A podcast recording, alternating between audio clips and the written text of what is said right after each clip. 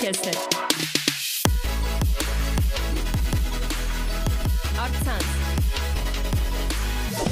Քրիստոնեական ռադիո։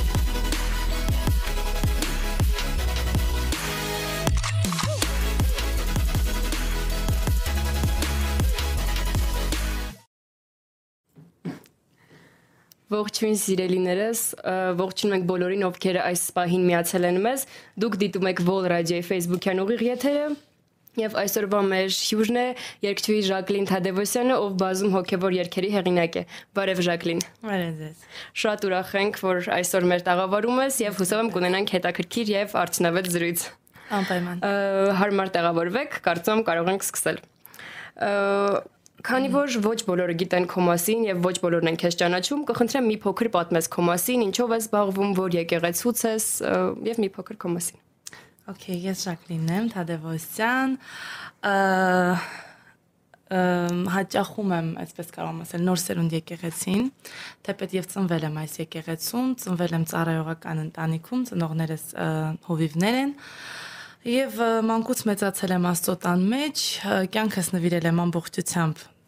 Հիսուսին, ծառայում եմ, երկրպագում եմ եւ պատրաստ եմ շարունակել այսպես մինչեւ կյանքիս վերջը։ Շատ ուրախ եմ։ Այ օրինակ բացի երգից ու երաժշտությունից դու ունես ինչ-որ մասնագիտություն կամ կրթությամբ ինչ ես։ Իհարկե, կրթությամբ ես գրականագետ եմ, երկրորդ մասնագիտությամբ լրագրող եմ, գոլեգաներ ենք։ Սա իմ մասնագիտությունները, որը որը ես ավարտել եմ, այսինքն սովորել եմ բու կոնկրետ այս մասնագիտություններով բայց ունեմ նաև այլ ոլորտներ իմ կյանքում, որտեղ եւս ինձ փորձում եմ դրսևորել եւ փառք Աստծուն ինչ որտեղ ստացվում են։ Դեռ դեռևս այսքանը ցանով կարող ենք համապակվել մասնագիտությամբ գրականագետ եմ եւ լրագրող։ Շատ լավ, իսկ օրինակ որ պահից սկսեցիր երգել կամ ինչպես ստացվեց որ որոշեցիր զբաղվել երգով ու երաժշտությամբ։ Եղել եմ շատ կոմպլեքսավորված, ճիշտ ասած հիմա մարդիկ քիչ են դրան հավատում, որովհետև տեսնում են այն Ժակլինին, ով իմ ինչ որ չգիտեմ, վերափոխված կամ գուցե նաև բժշկված տարբերակն են հիմա տեսնում։ Ժամանակին եղել եմ սարսափելի կոմպլեքսավորված ու այդ պատճառով ես բացահայտել եմ, այսպես ասած, տաղանդս շատ փոքրուց։ Միշտ սիրել եմ երգել, ստեղծագործել եմ, բայց լիովին, որ ինձ գտել եմ այս ծառայության մեջ, եղել է 17-18 տարեկանում երբ արդեն հասկացա, որ կոմպլեքսներս խանգարում են ինձ անցնել այն ճանապարհը, որ Աստված պատրաստել է իմ կյանքի համար։ Շատ լավ։ Այ օրինակ գիտեմ, որ ինչ որ ժամանակ նաև եղել ես շոու բիզնեսում։ Այ կպատմես ինչպես ստացվեց, որ մտար շոու բիզնես, ինչքան տևեց ու ինչու դուրս եկա շոու բիզնեսից։ Այո։ Ինձ թվում է մարդիկ ծնվում են չեմ ուզում ասել փառասիրությամբ, բայց միշտ այն զգտումով, որ իրենց կյանքում ինչ-որ մի փուլում կլինեն ճանաչված, այսինքն շատ քիչ տոկոսը կա մարդու, ով մարդկանց ովքեր չեն ուզում լինել ճանաչված։ Ես եւս մանկուց վերցրել եմ սանրը,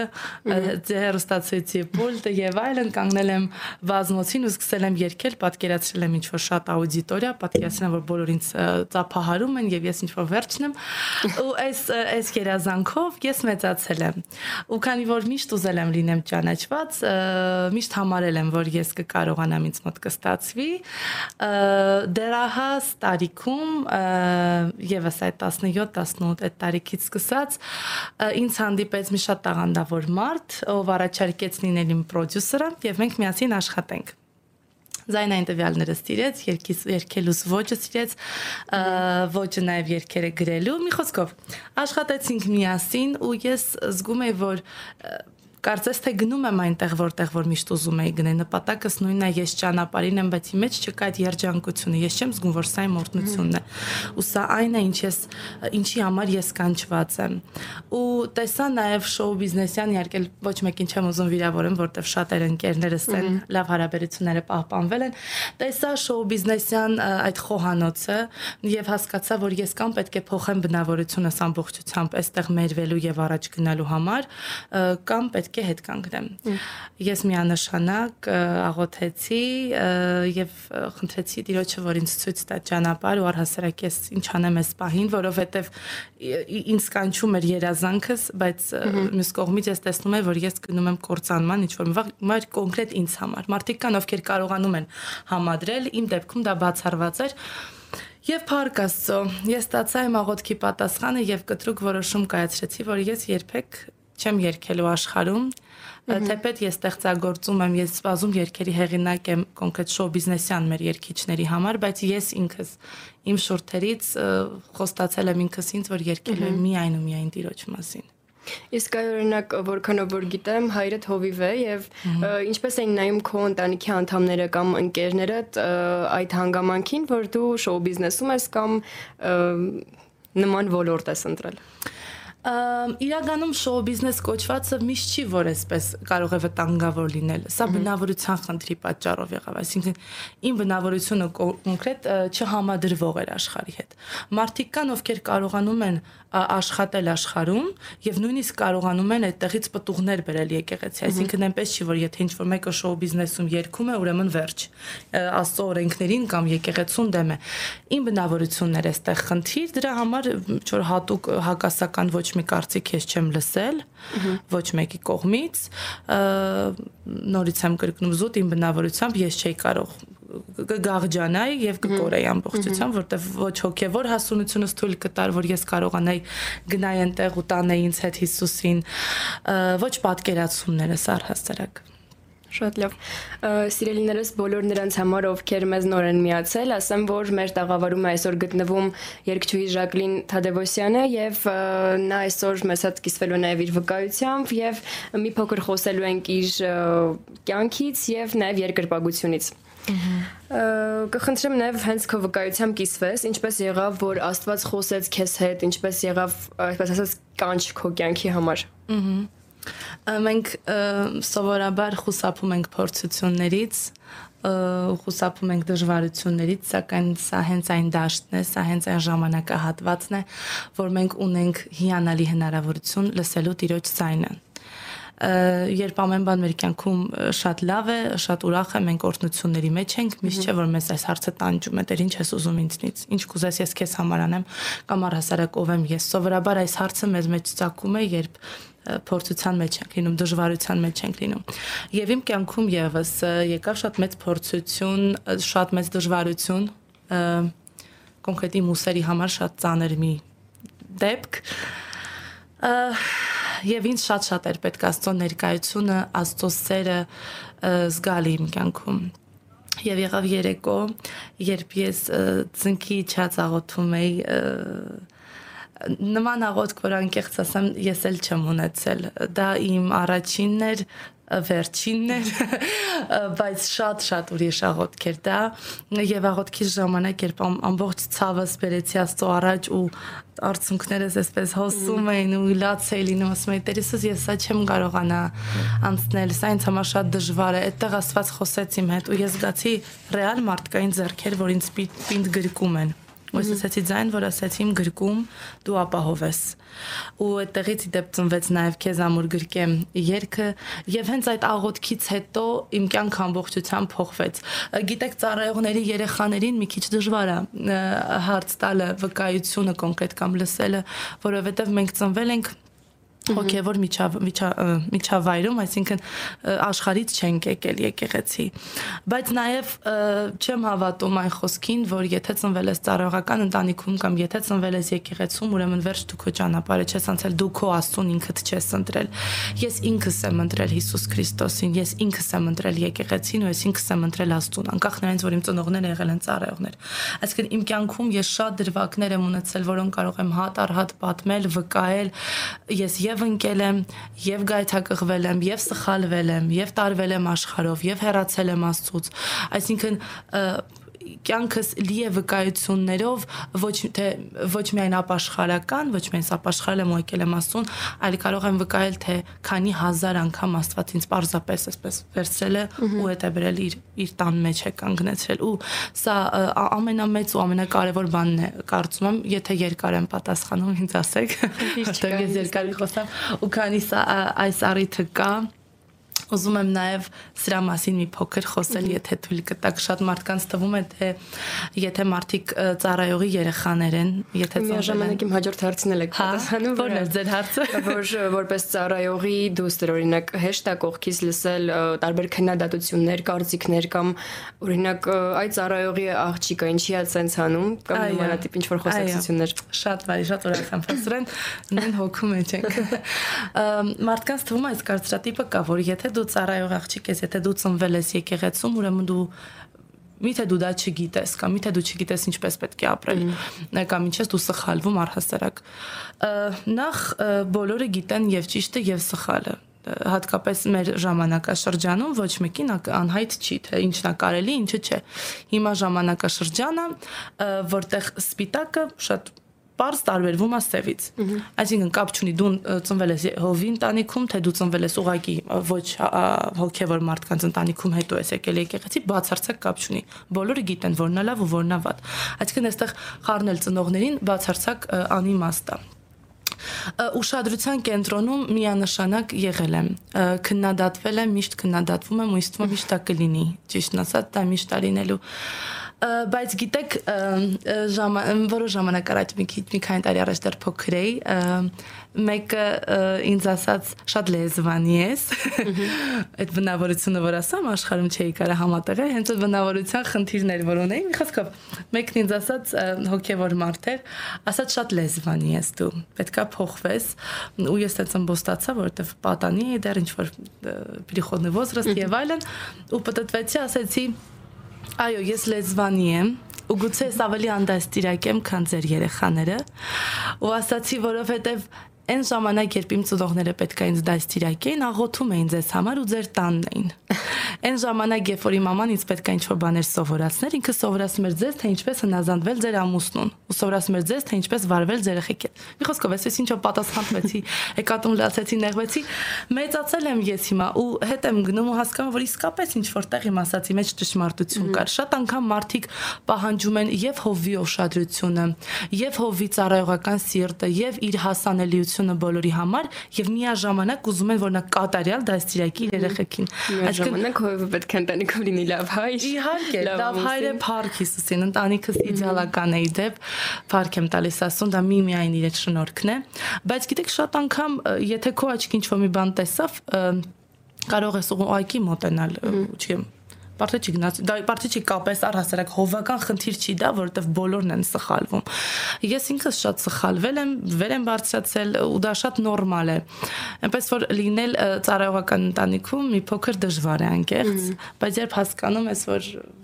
երբ մեծանում ես ամեն բան հեշտ է լինում երբ այդ վիճակի մեջ ես շատ ծանր ու շատ դժվար է կան շատ հարցեր այո դժվար է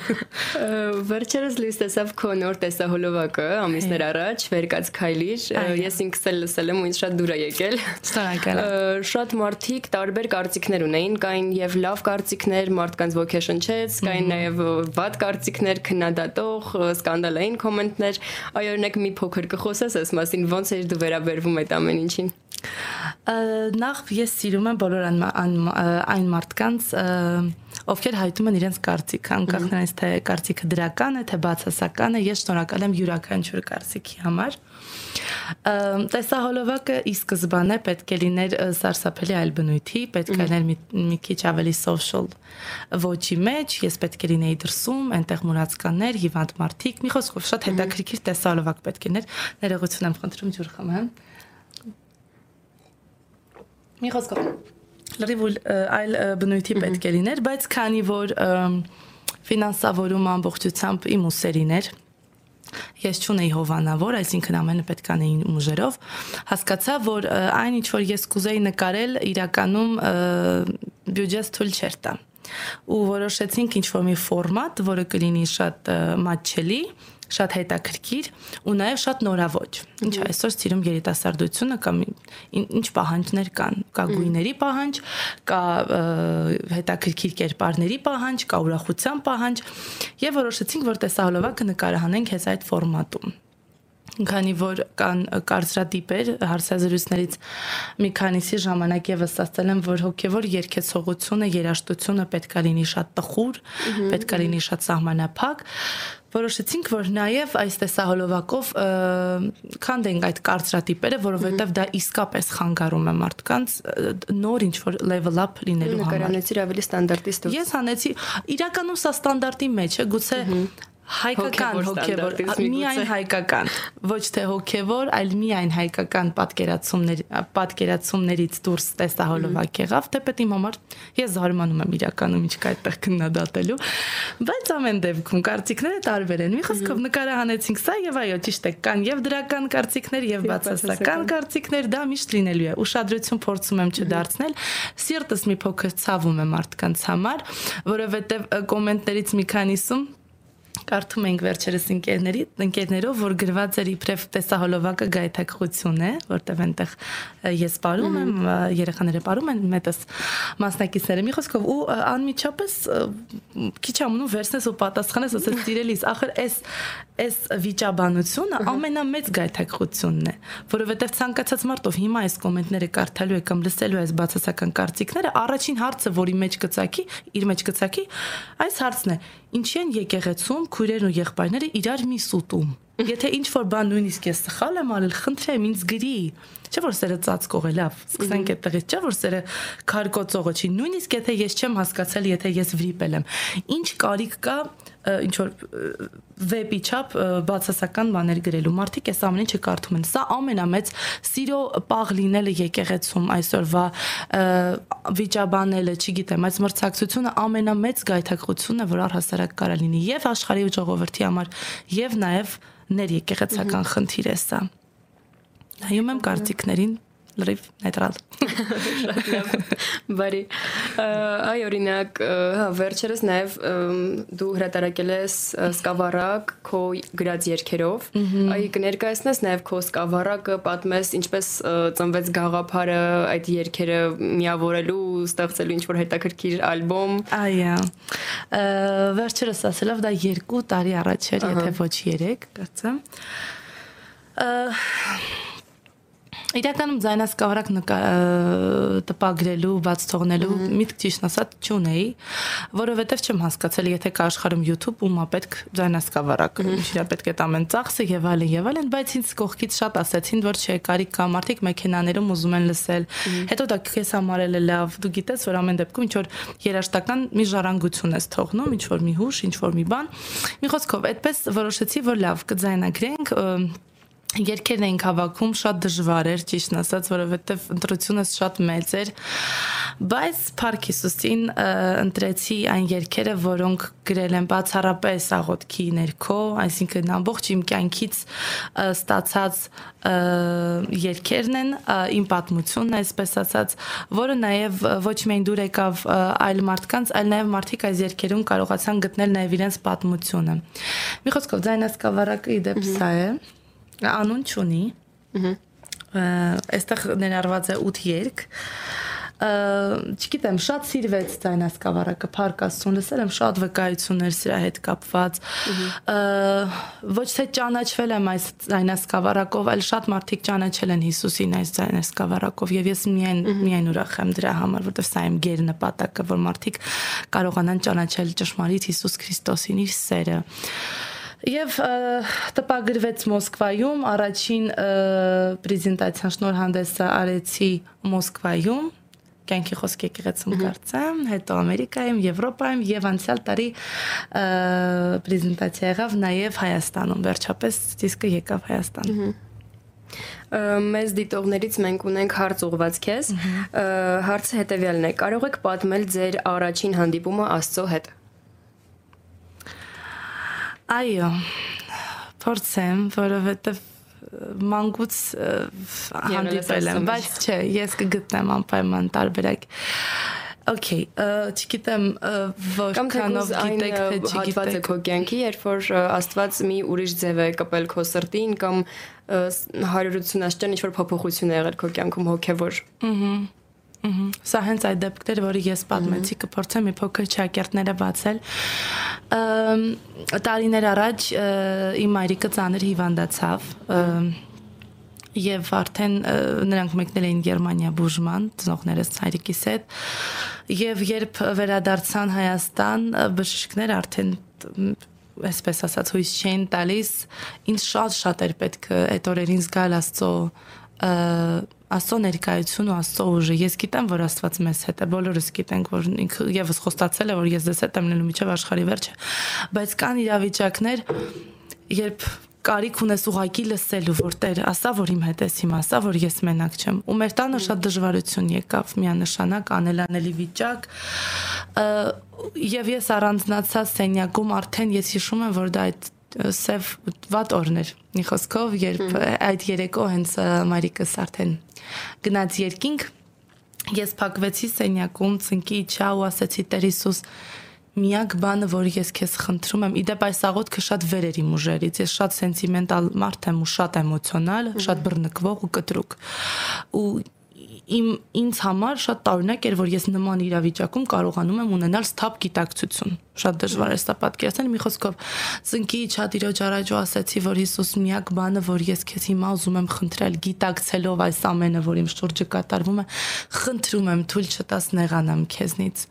թույլ չտաս ես հրվանամ քեզնից այս իրավիճակից, որտեղ ես հասկանում եմ, որ արդեն վերջի վերջն է։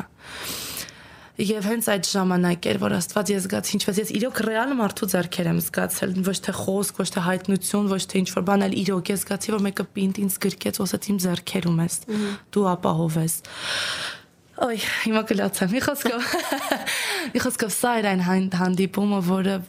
պարզապես շրջադարձորեն փոխեց իմ կյանքը, իմ պատկերացումը Աստծո մասին, իմ պատկերացումը Աստծո տված ուժի մասին։ Երբ Աստված ասում է ես քեզ հետ եմ, երբ Աստված ասում է ես Սուրբ Հոգուն ուղարկել եմ քեզ մխիթարելու, սրանք պարզապես խոսքեր չեն։ Ես իսկապես զգացել եմ դա, ու սա եղել է այն հիանալի հանդիպում իմ տիրոջ հետ ու այդ օրվանից կյանքս ամբողջությամբ Աստված փոխել է։ Ես այդ օրվանից որոշում եմ արել ծառայելու։ Միջև այդ ես երկում եմ երկչախմբում, գիտեք, եկեղեցու, բայց ես կուրորեն չեմ նվիրվել ամբողջությամբ։ Ես թողել եմ իմ մասնագիտական բոլոր հաջողությունները, ես կարող եի ստեղծել կարիերա, ես կարող եի գնալ առաջ, այդ տարիներին ես հիշում եմ, որ շատ խմբագրություններում ես աշխատում էի ու պահանջարկ ունեի շատ օրաթերթերում, մի խոսքով, այսինքն մասնագիտական կարիերաս աշխարհում վստահորեն ես կունենայի, բայց այդ ժամանակ ես թողեցի ամեն բան ու ասացի ինչքան տաղանդ որ ես ունեմ, ամենը տալու եմ քեզ, իմ կյանքը ամբողջությամբ քոնը, ընկնեմ, թե վեր կենամ, քո տան մեջ եմ ամեն բան անելու։ Ու գիտեք այդ օրվանից միջև այսօր երևի մատերիս վրա կարող եմ հաշվել դեպքեր, որ ես եկեղեցում չեմ եղել, այսինքն եթե Հայաստանում էլ չեմ եղել, դրսում պարտադիր։ Այդ օրվանից կյանքս լիովին փոխվեց ու նվիրվեցի ամբողջությամբ Հիսուսին։ Փառքաստուն։ Շնորհակալ Բոլոր նրանց համար, ովքեր ունեն հարցեր կամ ձեզ հուզող ինչ-որ հետաքրքիր հարցեր, դուք կարող եք ձեր հարցերը գրել մեկնաբանություններում եւ մենք սիրով կպատասխանենք դրանց։ Մենք ունենք եւս մեկ հարց, մեկ չէ, մի քանի հարցեր։ Կարող եք պատմել, թե ինչպես կարող է երկը կամ երկրպագությունը ազատ արձակել մարդուն։ Այո, մարդուն ազատ է արձակում ոչ թե երկը, Աստծո խոսքը ասում է որտեղ տիրոջ հոգին է այնտեղ ազատությունն է իսկ երկը երաշտությունը երկրպագությունը կարողանում են մեզ տանել մի կետ կարողանում են օգնել մեզ մեր սիրտը բացել այնքանով որ կարողանանք տիրոջ բժշկություն ու ազատագրություն ընդունել այսինքն ոչ թե սա երկեցողության, երաշտության, ճիշտ գործիքավորման խնդիրն է, այլ երկրպագություն այն ճանապարհն է, որը օգնում է, որ սիրտը բացվի ինձ թվում է, սա իմ կարծիքն է, երկես հարցի շուրջ չէի մտածել, բայց սա է, երկր ճիշտ երկրպագությունը իսկապես կարողանում է մեզ ամբողջությամբ բացել Աստծո առաջ ու մենք հանգիստ կարող ենք ազատվել։ Իսկ օրինակ ո՞րն է քո համար ճշմարիտ երկրպագությունը։ Ու ինչով կարող են մարդիկ թեկուս տարբերել երկրպագությունը, երբ որ արդեն դառնում է ինչ-որ համերգային։ Չեմ կարծում, որ մարդիկ կարող են տարբերել։ Ահա շատ անգամ նույն երկողը ում թվում է թե երկրպագու է չի կարողանում տարբերել։ Գիտեք, դա շատ դժվար է, շատ շատ դժվար կետ է սա առհասարակ ծառայողի համար, համար հասկանալը ես հիմա երկում եմ, թե երկրպագում եմ, ես հիմա անում եմ շոու, թե ես հիմա իսկապես ուզում եմ տիրոջ առաջ բերել մարդկանց սրտեր, ուզում եմ օգնել սա միայն սա միայն կզգա ու միայն կհասկանա այն մարդը, որ կոնկրետ այդ պահին բեմի վրա կամ թեկուս ստուդիայում երկեց այնագրում։ Բայց սա ոք մեր օրերում կա այս խնդիրը եւ սա այնքան բարձ ճանապարհ է, բավական ընդհանրապես парքի ճանապարհը շատ դժվար է։ Շատ դժվար է կշռվում մարդ ինչքանով է աստծոն նվիրված, ինչքանով է ճիշտ երկրպագու, ես հենց այս թեմայով ինչքանով վերջի տալիս հպարտությանը, ինչ վերջի։ Այո, գիտեք, փորձություն, այսինքն զտման process-ը կամ այդ հայրին, որտեղ դու པարս քես տեսնում ես, դա արդեն парքի парքի փուլն է։ Եթե դու կարողացար парքի փուլը անցնել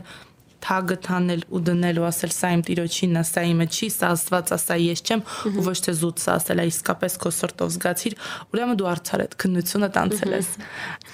Շատ լավ։ Մեզ ուղղել են եւս մեկ հարց։ Կարող ես պատմել քո տեսիլքի մասին, ինչ տեսիլք ունեցար ու այդ ծառայության վերաբերել հիմնականում։ Քանի որ երկրպագողները շատ են, քանի որ տաղանդավոր մարդիկ շատ են, երկերը նույնպես երբեք չեմ պատկերացրել, որ իմ իմ տեսիլքն է, որ ես ունենամ երկրորդ ձայնասկավառակը, որ ես ունենամ երկրորդ, այսինքն բացարձակ սա իմ տեսիլքը չի, սա այն միջոցն է, ինչ ինձ տանում է դեպի իմ տեսիլքին։ Առաջին ģեր նպատակս որ կա, որ երկրպագությունը առհասարակ բարձրանա ու կարողանա գravel ոչ միայն ներ եկեղեցական մարդկանց, ոչ միայն եկեղեցում երկրպագությունը հնչի, այլ ինքը բարձրանա ու հասնի այն որակի, որ արդեն աշխարհը ցանկանա լսել այդ երկրպագությունը։ Այսինքն երկրպագությունը լինի միջոց ավետարանելու, լինի ստանդարտներից դուրս, լինի ըստ պահանջարկի,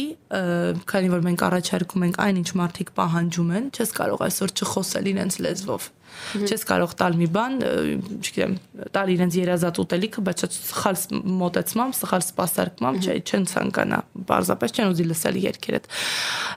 Այս պահին կարող եմ ասել, որ իմ արչև դրել եմ նպատակ, որ հայկական հոգևոր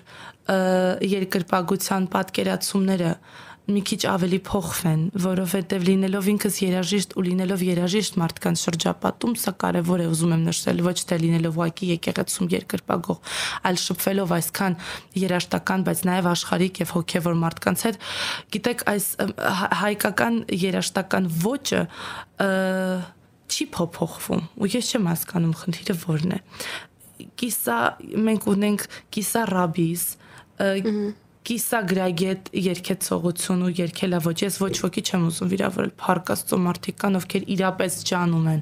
ամեն մեկ ունի իր լուբան փարք եմ տալիս ասում բոլոր այս մարդկանց համար որովհետև ես ինքս մեծացել եմ շատերի երկրպագության երկերի ներքո ես ինքս աղոթելուց ճիշտ ասած երբեք իմ երկերը չեմ միացնում ես միշտ միացնում եմ իմ քույրերի ու եղբայրների երկերը ու ինքս աղոթում եմ այս երկերի տակ ու փարք եմ տալիս ասում այս մարդկանց համար բայց առհասարակ գլոբալ առումով ես շատ ուզում եմ, որ գա ազատություն երկրպագության մեջ, գա ազատություն փառաբանության մեջ, գա անկեղծություն խոսքերի մեջ ու լինեն նաև տարբեր ոճեր, այսինքն լինեն նաև այլընտրանքային։ Եթե դու չես սիրում ինչ որ տխուր մելամաղձոտ երաժշտություն, եթե դու չես սիրում ինչ որ կիսարաբիզ ելևեջներ, խնդրեմ սիրելիս, սա քո մյուս տարբերակն է օրինակ։ mm -hmm այս պահին դա է նպատակս ճիշտ ասած որ աստծո օգնությամբ իհարկե աստծո օրով կարողանամ օգնել նաև մարդկանց ովքեր ուզում են իրենց սիրտը բացել տիրոջ առաջ օգնեմ այդ մարդկանց Սուրբ Հոգու տված երկերով միայն, որ կարողանան իրենց սիրտը բացել Հիսուսի առաջ ու կարողանան զգալ Տիրոջ ներկայությունը։ Մեզ ուղղել են եւս մեկ հարց կապված կարիերայիդ հետ։ Հարցը հետեւյալն է. ինչպես